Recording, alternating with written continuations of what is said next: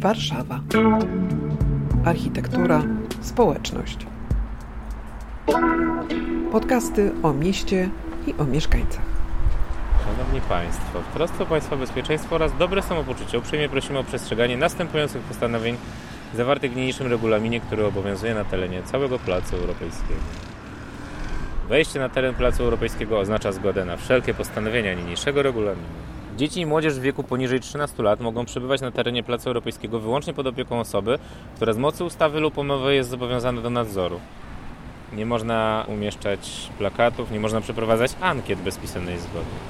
Plac zaistniał w Warszawie w 2016 roku. Radosław Górecki, dział komunikacji Gelamco Poland. Wtedy nastąpiło otwarcie budynku Warsaw Spire i Placu Europejskiego dla warszawiaków. I jakby dla nas ważne było to, żeby powiedzieć, że, że takie miejsca jak biurowiec i plac, który go otacza, że te miejsca mogą być i powinny być dla wszystkich. Z jednej strony oczywiście to było takie zwrócenie się do miasta, to znaczy do tworzenia nowego miejsca, które będzie tak popularne jak, nie wiem, rotunda, miejsca spotkań. Aleksandra Litorowicz, Fundacja Puszka współautorka badania Place Warszawy do odzyskania. Z drugiej strony też będzie miejscem, które wylądowało na woli, więc musiało otworzyć się oczywiście też na mieszkańców, ale jeszcze z kolejnej strony, no to to jest też miejsce, które musi zabiegać z bardzo wieloma innymi inwestycjami, które się w tym, w tej przestrzeni wolskiej, bliskiej woli, budującej się woli dzieją. W zasadzie można powiedzieć, że przez co najmniej 20, może nawet 25 lat w ogóle place Warszawy nie istniały jako jakiś cel, do którego się można udać, żeby tam spędzić czas, bo nie było po co. Jan Mencfel, Stowarzyszenie Miasto jest Nasze, autor książki Betonoza. Zwyczajnie te przestrzenie były zagarnięte przez takie funkcje jak chociażby parkingi, to zresztą trwa do dzisiaj, ale też brakowało po prostu takiego mm, miejskiego życia wokół tych placów, bo plac to nie jest tylko sama przestrzeń tego, co na nim, ale też to, to jest wokół. E, nie było tak bardzo żywe. I myślę, że dopiero w ostatnich kilku latach mieszkańcy Warszawy i też my jako aktywiści zwróciliśmy uwagę na to, jak ważne jest to, żeby place były dobrej jakości, żeby one rzeczywiście zachęcały do tego, żeby tam spędzić czas. Nie nazywamy jakoś, wychodzimy ze Spajera i tyle. No ja tak jak mówię z znajomymi o tym, to raczej, że fontanny przy Spajerze. Właśnie można wyjść z biura i trochę posiedzieć na świeżym powietrzu. W miarę jest ładnie, estetycznie, więc też można sobie zjeść śniadanko i jest spoko. Jak są e, food trucki lub lądowisko, wtedy chyba e, też przychodzą mieszkańcy, ale z reguły to raczej osoby z laptopami. Było dużo pomysłów. One się rodziły, ale też rodziły się te pomysły wyniku obserwowania tego, co mówią do nas warszawiacy. Dlatego, że to już były czasy, kiedy media społecznościowe zaczęły mocno funkcjonować, więc od razu założyliśmy profil Plac Europejski na Facebooku. I ten profil stał się dla nas taką z jednej strony tubą propagandową, na którym się chwaliliśmy tym placem, ale z drugiej strony stał się też takim głosem użytkowników, przyszłych użytkowników e, Placu Europejskiego, którzy zaczęli do nas pisać ze swoimi oczekiwaniami, co by tu chcieli robić, czego by nie chcieli robić, co tu miałoby zafunkcjonować. Więc my troszeczkę weszliśmy z mieszkańcami Warszawy w taką interakcję. Jednocześnie też no, słuchaliśmy też prasy i pierwszych opinii, recenzji Placu Europejskiego. I to, co było uderzające dla nas, to w tych pierwszych opiniach o Placu Europejskim pojawiły się takie drobne zarzuty, że on jest oderwany od rzeczywistości wolskiej, że, że sam Spire ze swoją dosyć taką mocną architekturą i sam plac europejski, że to jest trochę takie UFO, które wylądowało w dzikim terenie i nie przystaje do okolicy. I pojawiły się takie zarzuty, że to jest miejsce, które może w przyszłości wykluczać mieszkańców okolicznych e, budynków z tego powodu, że ta architektura jest zbyt nowoczesna, mówiąc tak kolokwialnie, że to jest miejsce dla bogaczy, a starsi mieszkańcy, którzy być może nie czują się częścią korporacyjnego życia, będą się bali tu przychodzić, bo to jest zbyt nowoczesne, zbyt takie ekskluzywne. Więc dla nas ważne było to, żeby odczarować to słyszeliśmy te wszystkie doniesienia na temat tego, jak wielu turystów podąża na Plac Europejski, żeby zrobić sobie instagramowe zdjęcie z napisem Kocham Warszawę. Zresztą ta instagramowość tej przestrzeni, tego, że ona w dużej części jest tą przestrzenią między nawet nie tyle budynkami, co wieżowcami, to, że jest ta fontanna, która się znajduje w środku tego założenia i to, że jest też pewna intymność tego miejsca i porządek, nie oszukujmy się, sprawia, że plac też jest często i chętnie fotografowany i to z jednej strony jest jakiś tam atut, ale z drugiej strony też powód do krytyki przez odbiorców naszych badań, które mówią, że to jest właśnie takie miejsce do tego, żeby bardziej realizować ten miejski spektakl sztuczności, że to jest miejsce stworzone pod to, żeby, żeby zrobić sobie zdjęcie czy zjeść w drogiej knajpie. No ja tutaj wchodzę i widzę, że ktoś chciał sprawić wrażenie, że jest tutaj przyjemnie i zielono, ale jednak przede wszystkim widać tą chęć, a nie to, że jest przyjemnie i zielono.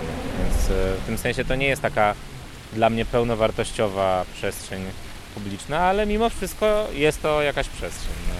Tutaj dosyć fajnie rozwiązano kwestię różnego rodzaju takich murków, które są dosyć niskie. E, one myślę, że zachęcają do tego, żeby sobie na takim murku przysiąść. Generalnie im więcej jest takich przestrzeni niezobowiązujących, które nie, nie mówią ci jednoznacznie, jaka jest ich funkcja, tym bardziej taki plac może zostać oswojony przez różne grupy mieszkańców, które po prostu wymyślą sobie tą funkcję, którą dane, dane miejsce ma stwarzać. Dlatego uważam, że na przykład te murki tutaj są bardzo fajne.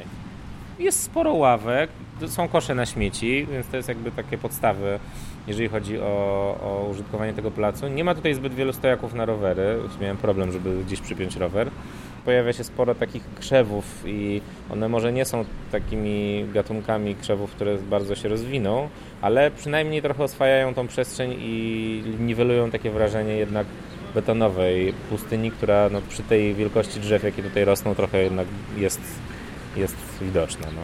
Plac Europejski jest bardzo ciekawym przykładem w kontekście dyskusji o, o placach miejskich czy o przestrzeni publicznej w ogóle. Wojciech Wagner, zastępca dyrektora Biura Architektury i Planowania Przestrzennego Miasta Stołecznego Warszawy. On y, zdobył sobie dużą popularność i też siodła na ten temat dosyć spora dyskusja, no bo jest to chyba pierwsza prywatna przestrzeń, która zyskała taki rozgłos jako, jako właśnie publiczna, otwarta dla wszystkich przestrzeń, no i zyskując też miano placu e, pełnoprawnego.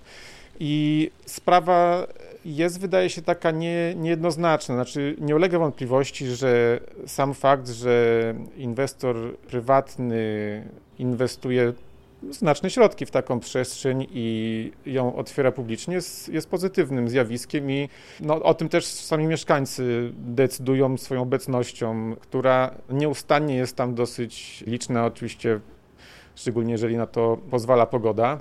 No i też jest to miejsce zawsze dosyć dobrze utrzymane, bezpieczne, bo no jest to też specyficzną cechą właśnie takiego miejsca jest to, że ono jest zawsze pilnowane, zabezpieczone. Wykładane są tam pewnie na bieżąco większe środki niż przy standardowej przestrzeni miejskiej o adekwatnej wielkości. Natomiast wydaje się, że problemy tutaj są następujące. Znaczy, po pierwsze, tego typu przestrzeń nie powinna być jakimś szczególnym wyjątkiem, tak jak to trochę wydaje się być, tylko pełną regułą. Znaczy, inwestor, który inwestuje tak duże środki, no bo trzeba pamiętać o tym, że towarzyszy temu placowi bardzo duża inwestycja kubaturowa, biurowa, więc inwestor przeznaczając tak duże środki inwestycje w centrum miasta powinien być systemowo zobowiązany do adekwatnego jakiegoś procentowego przeznaczenia środków na przestrzeń publiczną wokół tej inwestycji, czy obok tej inwestycji. Drugim problemem wydaje się e, trochę to, że ten plac jest dosyć nietypowy. On, on nie jest widoczny z ulicy zbyt dobrze. Znaczy, jeżeli nie wiemy, że ten plac tam jest, to raczej tam nie trafimy. I oczywiście to daje pewną jego intymność, jeżeli można mówić o intymności przy takiej skali zabudowy, która jest wokół, pewną zaciszność e, mimo wszystko e, w tym bardzo ruchliwym miejscu miasta. Ale nie jest to taka standardowa przestrzeń publiczna, która w taki wyraźny sposób kształtuje wizerunek miasta. Warszawa się bardzo szybko teraz rozwija i, i to jest jeden z takich najbardziej nowoczesnych placów.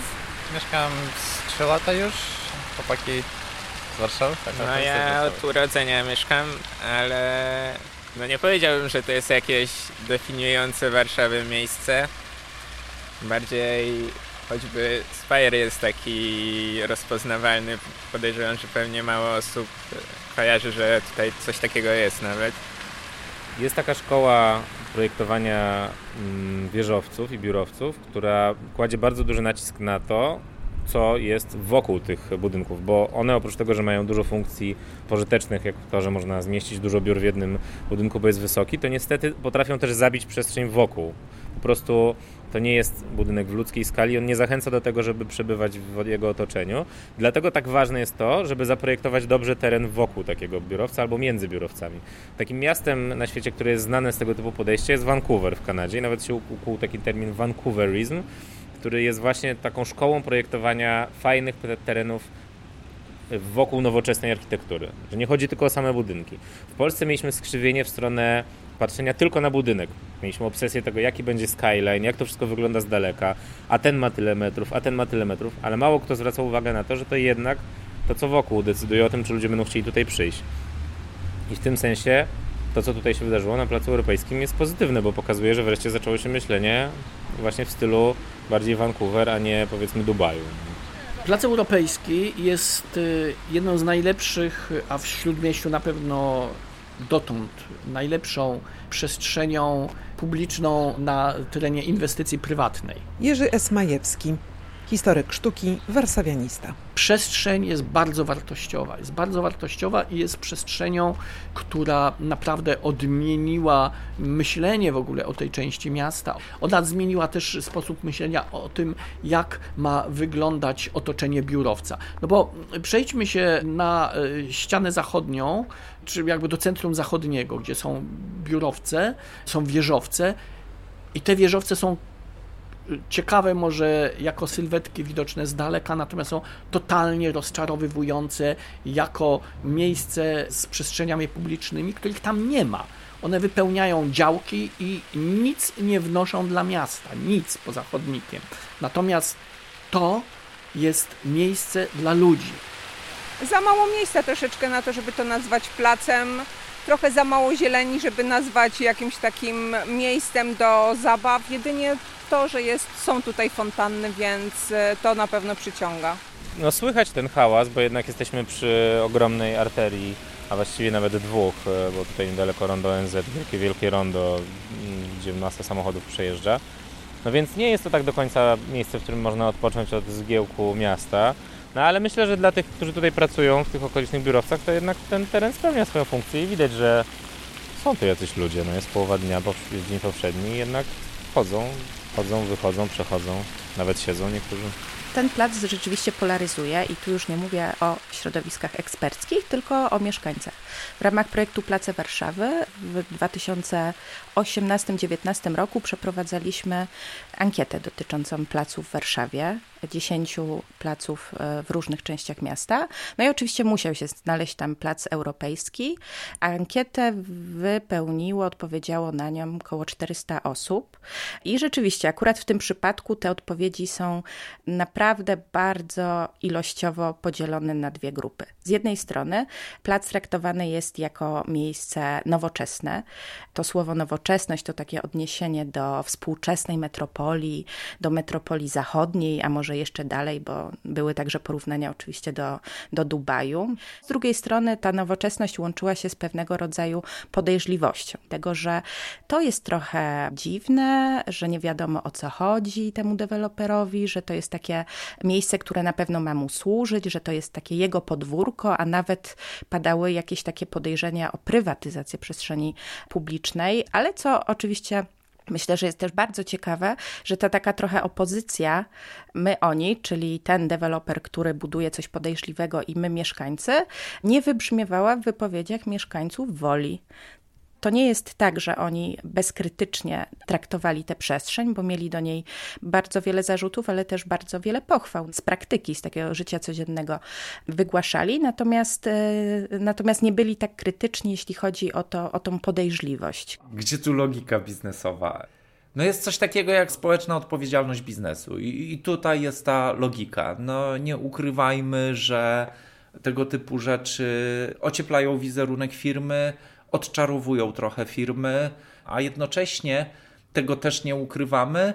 Budowanie fajnego wizerunku Placu Europejskiego i tego miejsca powoduje, że firmy komercyjnie też chcą tutaj przychodzić i, i być, być tutaj blisko tego, co się dzieje. I, I proszę też pamiętać, że początki Placu Europejskiego i to, o czym mówiłem, że, że to była taka wyspa tutaj, to rzeczywiście trochę tak było, bo dzisiaj rozmawiamy w sytuacji, gdzie za oknem widzimy Generation Park Skanskiej już skończony, gdzie widzimy nasz Warsaw Unit skończony, gdzie mamy The Warsaw Hub połączony z metrem i całe rondo Daszyńskiego wygląda jak mikro Nowy Jork.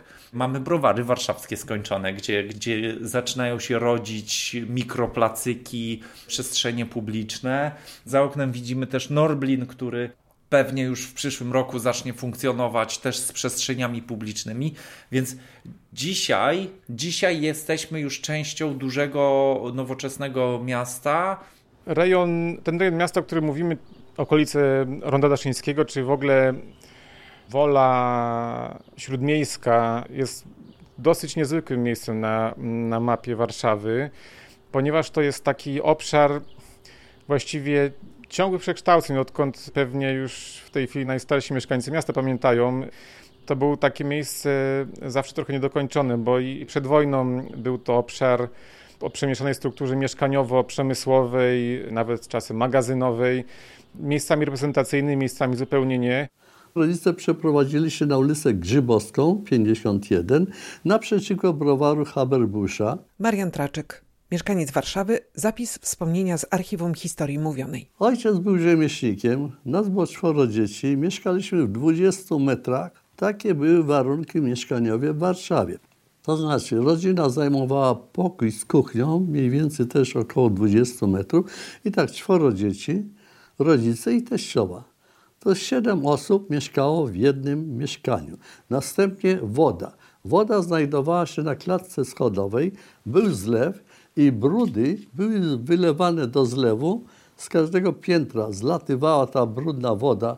Takie korytko było przez podwórko, przykryte deską. Ta woda brudna zlatywała, dopływała do rynszczoka. Rynszczoki były głębokie na jakieś pół metra i szerokie u góry. W poprzek były takie kraty, co jakieś 50 metrów i one zatrzymywały te patyki czy jakieś inne śmiecie. No i takie były warunki życia.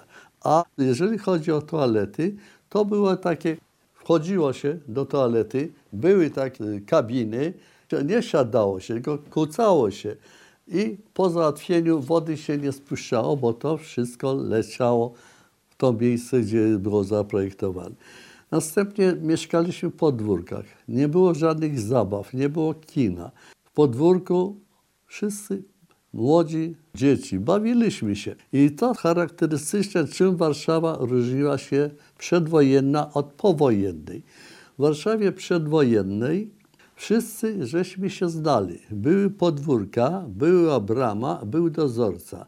Na podwórku jeden drugiego widział w oknie. Następnie nie było telewizji. To co te babcie robiły? Ławka była na podwórku, siadały i gadały kwartał tak zwanego dzikiego zachodu, czyli te okolice ulicy Żelaznej, między Towarową, kiedyś Świerczewskiego, a Marchlewskiego, czyli obecnie Jana Pawła, to był tak zwany dziki zachód. Patrycja Jastrzębska, tu było, tu stało, prezeska Stowarzyszenia Masław, mieszkanka Woli. Czyli właśnie te takie tereny, gdzie stosunkowo dużo tej zabudowy przedwojennej zostało, ale ona, mm, można powiedzieć, była taka specyficzna, bo bardzo mocno właśnie dotknięta dotknięta tym, no, tą historią, która przeszła przez miasto. Czyli wiele z tych kamienic było po prostu zrujnowanych. Te, te balkony, które prowadziły do, donikąd, o których pisał Tyrmand, to właśnie te okoleczone kamienice, to właśnie, to właśnie ten dziki zachód. I tam oczywiście po wojnie wkroczyło po prostu życie, wkroczyli ludzie. Wiemy o to doskonale, że był ogromny głód mieszkań, brakowało ich, więc te wszystkie nawet zrujnowane, ale możliwe do zamieszkania, wszędzie tam wkraczali nowi, bądź też starzy, jeżeli ocalali mieszkańcy, bo pamiętajmy też, że tam był też teren getta. I wśród tych kamienic, na tych takich właśnie zrujnowanych terenach powstawały też zakłady przemysłowe. No i przez wiele lat funkcjonowało to w zasadzie tak, że tutaj przecież z Placem Europejskim też e, przylegają do niego dwie kamienice. Jedna z początków XX wieku, a druga z lat 30. i to w ogóle architekt bardzo dobrze nam znany, czyli Szymon Syrkus. Tam jest taka kamienica, która, która właśnie przylega do placu towarowata, na której ja się urodziłam po 60, to były też takie czynszóweczki piętrowe. Stanisława Zgieb, mieszkanka Warszawy. Zapis wspomnienia z archiwum historii mówionej. Tutaj na rogu Srebrnej to była nawet taka żydowska szkoła, jak ja pamiętam, bo jak do ciotki na Wronią szłam, to tam taki rej, taki krzyk, był taki, to do tej pory ten kawałek tego w domu, na takiej jednej nóżce, tam jest taki, taki kawałek z cegły zbudowana, taka, takie coś, mm, to właśnie ten dom. A poza tym to na Towarowej też tam jak ja szłam do ciotki, to przed Grzybowską to były takie mury fabryczne, na przykład była fabryka łóżek tam była, bo mama mi zawsze mówiła, że tam robili takie żelazne łóżka, były przed wojną. To tam była właśnie ta fabryka łóżek. To, to takie czerwona taka cegła cały czas jak szłam do, do tej ciotki, a, a jedna ciotka moja na Łódzkiej mieszkała, tam też taka boczna między żelazną a, a Wronią uliczka jest to, to, to, to były takie normalne, takie, takie domy, jak teraz co się jedzie gdzieś tam na Pradze, takie te czynszowe kamienice, szare, takie burę. To był brud okropny, a żelazna, co mój tata pracował u Dorblina, tam była na rogu prostej, to, to też takie, takie właśnie, takie, tam dalej na Grzybowskiej to był taki browar, taki z piwem tam na rogu Grzybowskiej. Także to były takie, takie normalna, czerwona, zwykła, taka stara, zakurzona, zaczerniona od dymu cegła. Przestrzeń Placu Europejskiego po wojnie przez wiele lat e, była tak naprawdę przestrzenią przeznaczoną na produkcję, jak wiele przestrzeni na woli. Była przeznaczona pod przemysł poligraficzny, a dokładnie zajęły ten cały kwartał między Wronią, Grzybowską a Towarową wojskowe zakłady graficzne. I tam to był taki drugi duży zakład poligraficzny na Woli. Bliżej Alei Jerozolimskich powstał Dom Słowa Polskiego. To był jeszcze większy kompleks. 1950 rok. Natomiast w 1958 roku kończona właśnie te wojskowe zakłady graficzne i projektowali je ci sami architekci, którzy projektowali DSP, czyli Kazimierz Marczewski, Stefan Putowski i Zygmunt Stępiński. I on się składał z takich, można powiedzieć, dwóch dwóch kompleksów. Jeden to był biurowy od strony towarowej, natomiast w głębi były już te hale produkcyjne po 1989 roku dosyć szybko te wojskowe zakłady graficzne zostały przekształcone w dom wydawniczy Bellona. Natomiast już w latach 2000 w zasadzie ta produkcja stanęła, już tam nie odbywała się produkcja i dosyć, nie wiem czy szybko, ale w 2008 zaczęły się właśnie wyburzenia już tych budynków, tych budynków, tych hal produkcyjnych. To, co się ostało, to właśnie budynek Bellony, czyli ten administracyjny WZW, i od strony Wroniej takie budynki magazynowe, niskie. Można powiedzieć, że ten kwartał po prostu przez wiele lat, właśnie po tym 89 roku, no był takim kwartałem trochę jakby wyjętym z użytkowania. Zresztą to dotyczy bardzo wielu obiektów poprzemysłowych na Woli. W pewnym momencie okazało się, że to miejsce jest bardzo atrakcyjne i stało się terenem takich no, niezmiernie intensywnych inwestycji biurowych, ale też i mieszkaniowych. I to oczywiście powoduje, że jest to obszar dużych kontrastów, czasem efektownych, czasem niekoniecznie udanych. Moja obserwacja jest taka, że nie było to, te zmiany, które zachodziły na miejscu też tych właśnie przestrzeni poprzemysłowych, niestety nie były efektem jakiegoś jednego spójnego planu. I to też widzimy po architekturze, która jest wokół Ronda Daszyńskiego. Tak naprawdę e, można oczywiście mówić, że niektóre z tych obiektów, tak, są, są niektóre z nich ciekawe, chociaż może ja nie przepadam tak bardzo i nie fascynuję się e, wysokościowcami.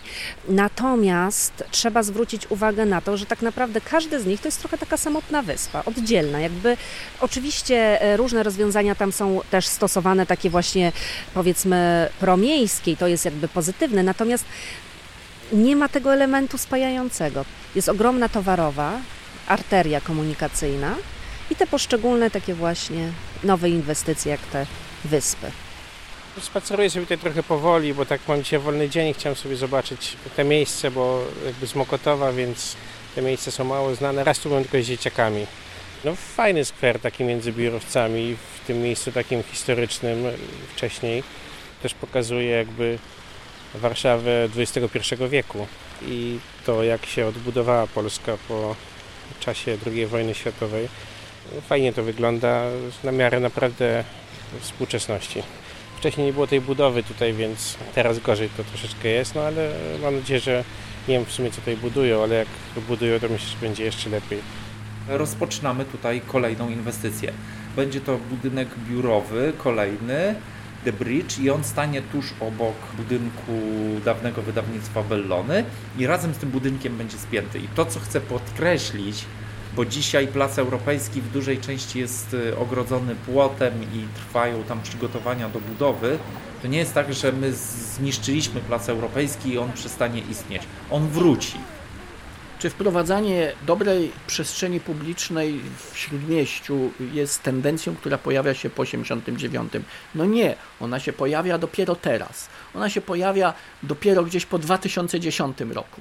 I oczywiście zdarzały się takie pojedyncze przykłady, jak na przykład y, Metropolitan, biurowiec Metropolitan przy placu Piłsudskiego, który ma przestrzeń publiczną w swoim y, środku. Ale ta przestrzeń publiczna pojawia się tak naprawdę dopiero teraz. I to jest w ogóle, moim zdaniem, warunek istnienia dobrego miasta nowoczesnego miasta, które jest dla ludzi. Przestrzeń publiczna jest czymś fantastycznym i to tworzenie dobrej przestrzeni publicznej jest powrotem do, do miasta. I im więcej takich przestrzeni publicznych jest w centrum, tym to miasto staje się bardziej miastem.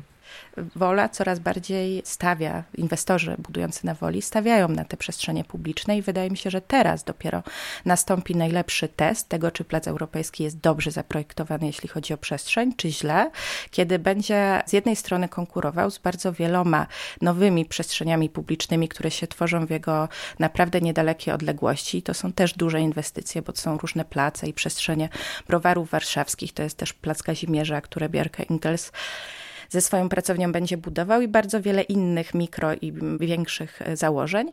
W ramach, w ramach możliwości systemowych Warszawa, miasto Warszawa stara się ująć pewne karby ten rozwój sytuacji, który to następuje i niewątpliwie też coraz większej liczby inwestorów zależy na tym, żeby oczywiście ta ich inwestycja była jak najbardziej efektywna dla nich finansowo, no trudno się temu dziwić, ale też żeby zapewnić jej określoną jakość i tutaj interesy inwestorów i miasta są zbieżne. Niewątpliwie jest bardzo wiele miejsc w tym rejonie, które bardzo się zmieniły przez ostatni czas i też zmieniły się pozytywnie. I ten proces będzie trwał, no bo to są na tyle cały czas duże obszary możliwe do zainwestowania i na tyle też inwestorzy z dużymi możliwościami finansowymi, że te przestrzenie, które do tej pory były mocno zaniedbane, staną się dosyć efektownymi miejscami, w których będą ludzie i mieszkać, i pracować, i również dobrze dostępnymi. To jest też kolejny aspekt, który się bardzo zmienił. To było kiedyś miejsce słabo dostępne transportowo, teraz, teraz to się poprawiło. Natomiast y, no, ten sposób rozwoju przyniósł pewne kłopoty, które będzie trudno już nadrobić i, i właśnie takim kłopotem w tym obszarze jest y, niedostatek przestrzeni publicznych, a w szczególności terenów zieleni publicznej. I no, zastanawiamy się, jak ten problem złagodzić i cóż, no niewątpliwie jest to obszar, który już staje się takim kolejnym punktem ciężkości Warszawy. I w tym sensie jest to dosyć istotny proces dla miasta i pewnie jego takie długofalowe skutki też dopiero zobaczymy za 10, 20, a może więcej lat. Zmiany, które e, zachodzą na woli i ich tempo jest naprawdę zaskakujące nowe biurowce, nowe inwestycje wyrastają naprawdę jak grzyby po deszczu. I to, co widzimy na przykład latem 2019, zupełnie inaczej e, już wygląda wiosną 2021. Przy czym, jeżeli chodzi o mieszkańców, te etapy właśnie budowy, no jest to dosyć trudne, jeżeli cały czas w miejscu, gdzie mieszkamy, dokonują się zmiany, i to na dodatek takie dosyć nieprzewidywalne i zazwyczaj polegają one na tym, że właśnie wyrasta kolejny jakiś wieżowiec. Przyzwyczaiłam się, może to przyzwyczajenie po prostu. Ludzie się szybko przyzwyczajają. Nowe budownictwo, jest trochę zieleni, teraz coś nowego się buduje. Wiadomo, że lepiej iść do parku, gdzie jest więcej zieleni, Tutaj jest bardziej chyba pod pracownictwo, e, pod biura zagospodarowany ten teren. W tym momencie brakuje spokoju ze względu na budowę, która się rozpoczęła obok. Natomiast ogólnie to chyba jest ok. Zawsze można wyjść i się przejść troszeczkę. Jeżeli to są tylko i wyłącznie same biurowce, to takie molochy się tworzą. Takie miejsca dają trochę takiej jakby prywatności, nieprywatności, na pewno oddechu.